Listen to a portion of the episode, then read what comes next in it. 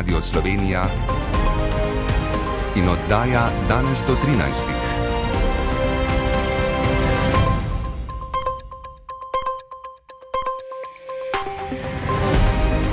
Ura je 13.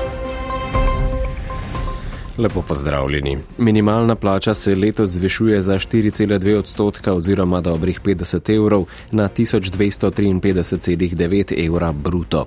Ministrstvo za delo je tako očitno ugodilo delodajalcem, predlagalo je, da se minimalna plača uskladi po zakonskem minimumu, torej z letno inflacijo v decembru. Sindikati, ki so predlagali zvišanje za najmanj 7,5 odstotka, kljub temu odobravajo odločitev vlade, da ne bo zamrznila višine minimalne plače. V oddaji pa tudi o teh temah. Hišne preiskave na ljubljanski občini in na domu župana Zorana Jankoviča.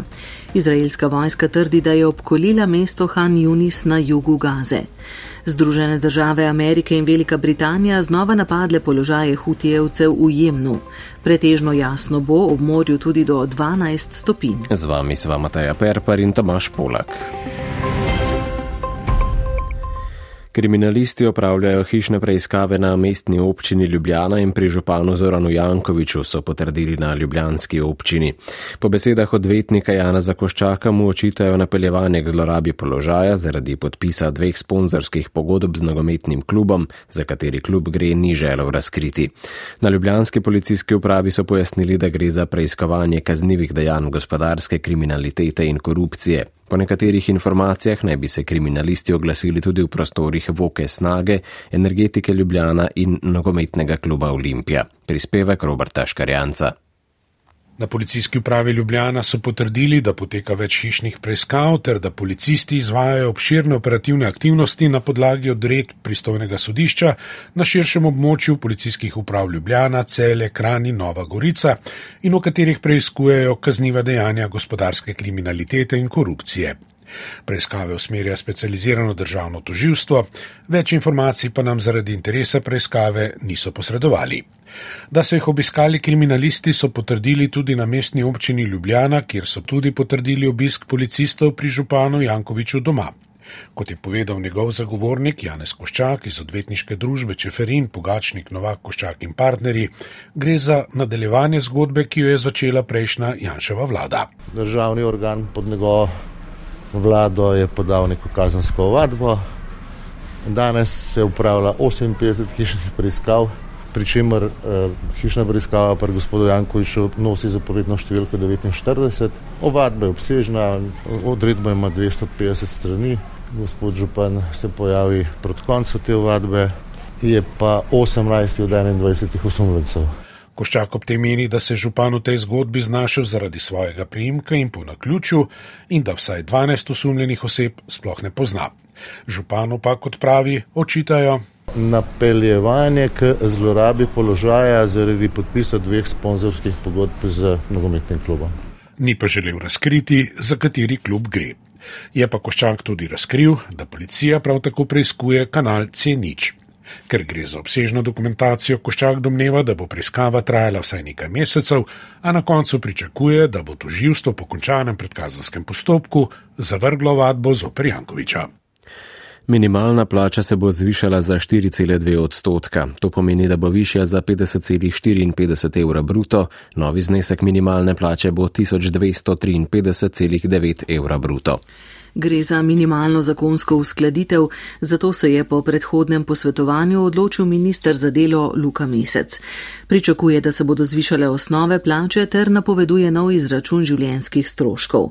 Delodajalci, ki so pričakovali 4,2 odstotni dvig, so z ministrovo odločitvijo zadovoljni. Sindikati menijo, da je bila zamujena priložnost za višji dvig minimalne plače, ob tem pa odobravajo, da je vlada odstopila od predloga, ki je predvideval zamrznitev višine minimalne plače. Vlada je na današnji dopisni seji na predlog premijeja Roberta Goloba imenovala finančnega ministra Klemna Boštjančiča za tretjega podpredsednika vlade.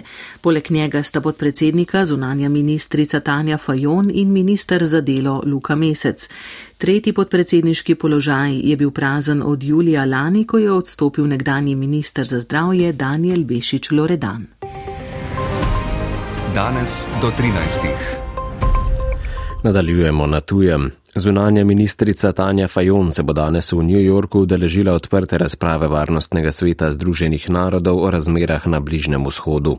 To bo njena druga udeležba na zasedanju Varnostnega sveta od začetka vojne med Izraelom in Hamasom in prva, odkar je Slovenija postala njegova nestalna članica. Podrobneje Marjan Vešligaj. Morija v Gazi se mora končati, le rešitev dveh držav pa lahko dolgoročno zagotovi dostojno življenje za palestince in varnost za Izrael. To so bile besede zunanje ministrice Tanja Fajon, ki jih je izrekla ob robu srečanja zunanih ministrov Evropske unije v Bruslju, na katerem so sodelovali tudi zunani ministri Egipta, Jordanije in Saudske Arabije, neformalno pa ste se ima pridružila še zunanje ministra Izraela in Palestine. Pričakujemo, da bo Slovenija ta stališča branila tudi na zasedanju Varnostnega sveta Združenih narodov. Slovenija si prizadeva um, za vse pobude, ki bi lahko pripeljale do čimprejšnjega miru. Um, pogovarjamo se z različnimi mednarodnimi akterji, bo priložnost v Varnostnem svetu predstaviti stališča Slovenije, predvsem pa pozvati, da je nujno premirje v Gazi, da se mora morija končati in da se moramo resno ukvarjati z rešitvijo dveh držav. Ne pozabimo, kako mu kotrpno delo bo to. Ameriški predsednik Biden je v pogovoru z izraelskim premijem Netanjahujem samo nakazal, da bi se lahko pogovarjali o neodvisni palestinski državi, ki bi imela nemilitarizirano vlado. Netanjahu pa je dan zatem dejal, da ne bo spremenil svojega stališča in da je ravno njegova ustrajnost preprečila preprečila ustanovitev palestinske države, ki bi ogrožala obstoj Izraela. Izraelski premijer Netanjahu je ponovil, da bo Izrael nadaljeval boja v Gazi do popolne zmage nad Hamasom, potem ko je bilo v včerajšnjih spopadih ubitih 24 izraelskih vojakov. Izraelska vojska je ob tem sporočila, da je popolnoma obkolila Han Yunis in ubila več deset teroristov. Skupno je bilo v Gazi doslej ubitih 210 izraelskih vojakov, v izraelskih napadih na tem območju pa je bilo skoraj 25 300 smrtnih žrtev med palestinci. Po navedbah ameriških medijev pripravljajo najmanj dve pobudi za končanje vojne. Izrael naj bi ob pomoči katarskih in egiptovskih posrednikov Hamasu predlagal dvomesečno prekinitev spopadov v Gazi, Hamas pa bi v zameno izpustil izraelske talce. Saudska Arabija ponuja priznanje Izraela v zameno za ustanovitev palestinske države. Ameriška in britanska letala so vnovič napadla položaje hutijevcev v Jemnu in zadela več ciljev. V Londonu so napade označili za samo obrambo pred hutijevskimi napadi na ladje v Rdečem morju. Hutijevci tudi tokrat napovedujejo maščevanje, ladjarski prevozniki pa se vse bolj izogibajo Rdečemu morju in Sueškemu prekopu. O dogajanju Blašer Menc.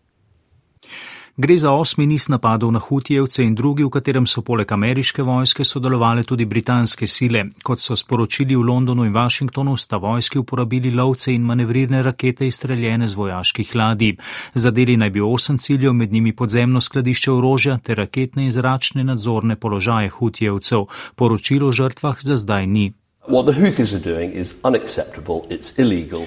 To, kar delajo hutjevci, je nesprejemljivo, je nezakonito in ogroža svobodno plovbo, zato smo ukrepali proti njim, je sporočil britanski zunani minister David Cameron, ki je prepričan, da so napadi vplivali na vojaške kapacitete hutjevcev. Ti trdijo drugače. Predstavniki tega gibanja v jemenski prestolnici Sana so sporočili, da bodo na zahodne napade odgovorili. Ob tem so še zatrdili, da bodo še naprej napadali tudi ladje v Rdečem morju, ki so povezane z Izraelom ali pa njegovimi zaveznicami, s čimer želijo polast lastnih navedbah krepiti pritisk za zaustavitev izraelskih napadov na Gazo. Gibanje hutijevcev po skoraj desetletju državljanske vojne v Jemnu nadzoruje velik del te države na arabskem polotoku. Od sredine novembra lani z raketami in brezpilotnimi letali, s katerimi jih oskrbuje Iran, napadajo ladje v Rdečem morju. Številni svetovni ladjarski prevozniki so zaradi napadov, ki ogrožajo varno plovbo po Rdečem morju, že preusmerili svoje ladje na veliko daljšo in dražjo pot okoli Afrike.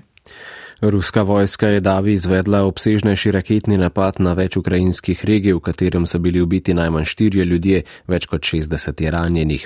Iz Kijeva in Harkova poročajo o poškodovanih stanovanskih blokih. Ruske sile povdarjajo, da niso merile na civiliste in da so bile tarče obrati ukrajinske obrambne industrije. Vojna v Ukrajini je postala bitka za streljivo, zato je pomembno, da zaveznice popolnijo svoje zaloge, je ob NATO-vem podpisu pogodbe za nabavo več kot 200 tisoč topniških granat, dejal generalni sekretar zavezništva Jens Stoltenberg.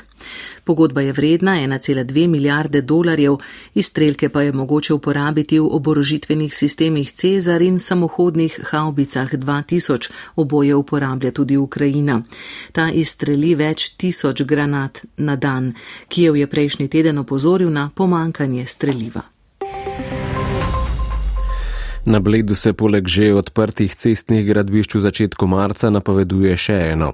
V okviru graditve Blejske obvoznice se bo namreč urejala tudi kanalizacija, zato bo za promet iz bohinske smeri potreben obvoz.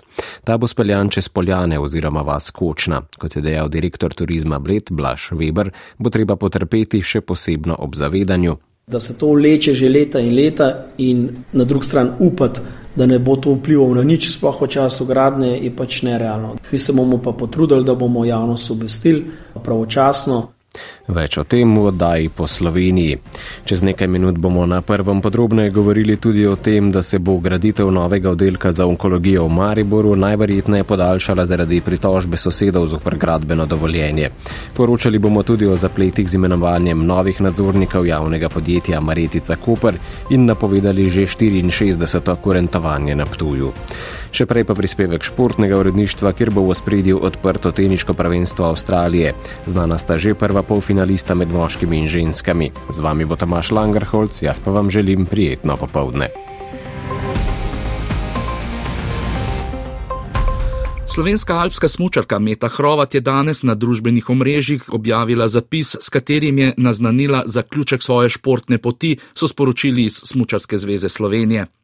Četrti tekmovalni dan na mladinskih olimpijskih igrah v Gangwonu v Južni Koreji je prinesel tretje odličje slovenski reprezentanci. Za veliko presenečenje in prvo srebro po dveh zlatih medaljah je poskrbela biatlonka Ela Sever, prehitela jo je le italijanka Carlota Gautero.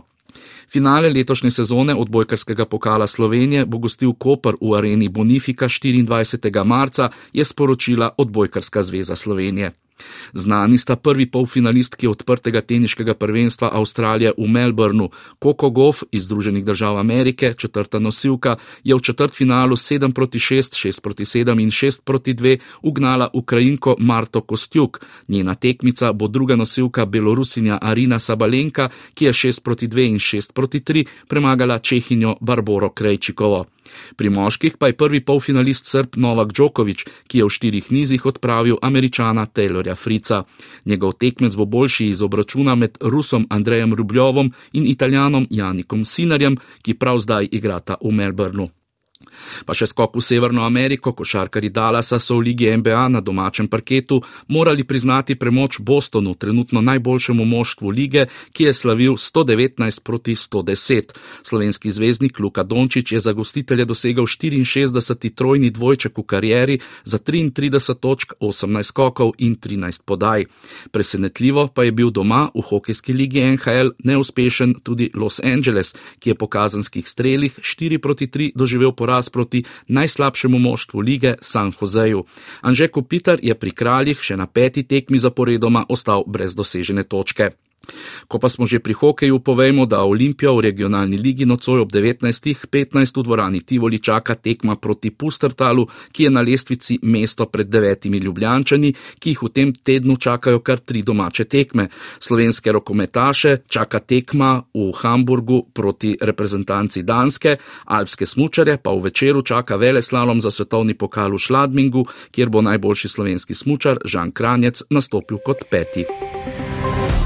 Poslušali ste oddajo danes do 13. Urednica Natalija Muršič, voditelj Tomaš Polak, napovedovalka Mateja Per, partonski mojster Rok Kokošinek.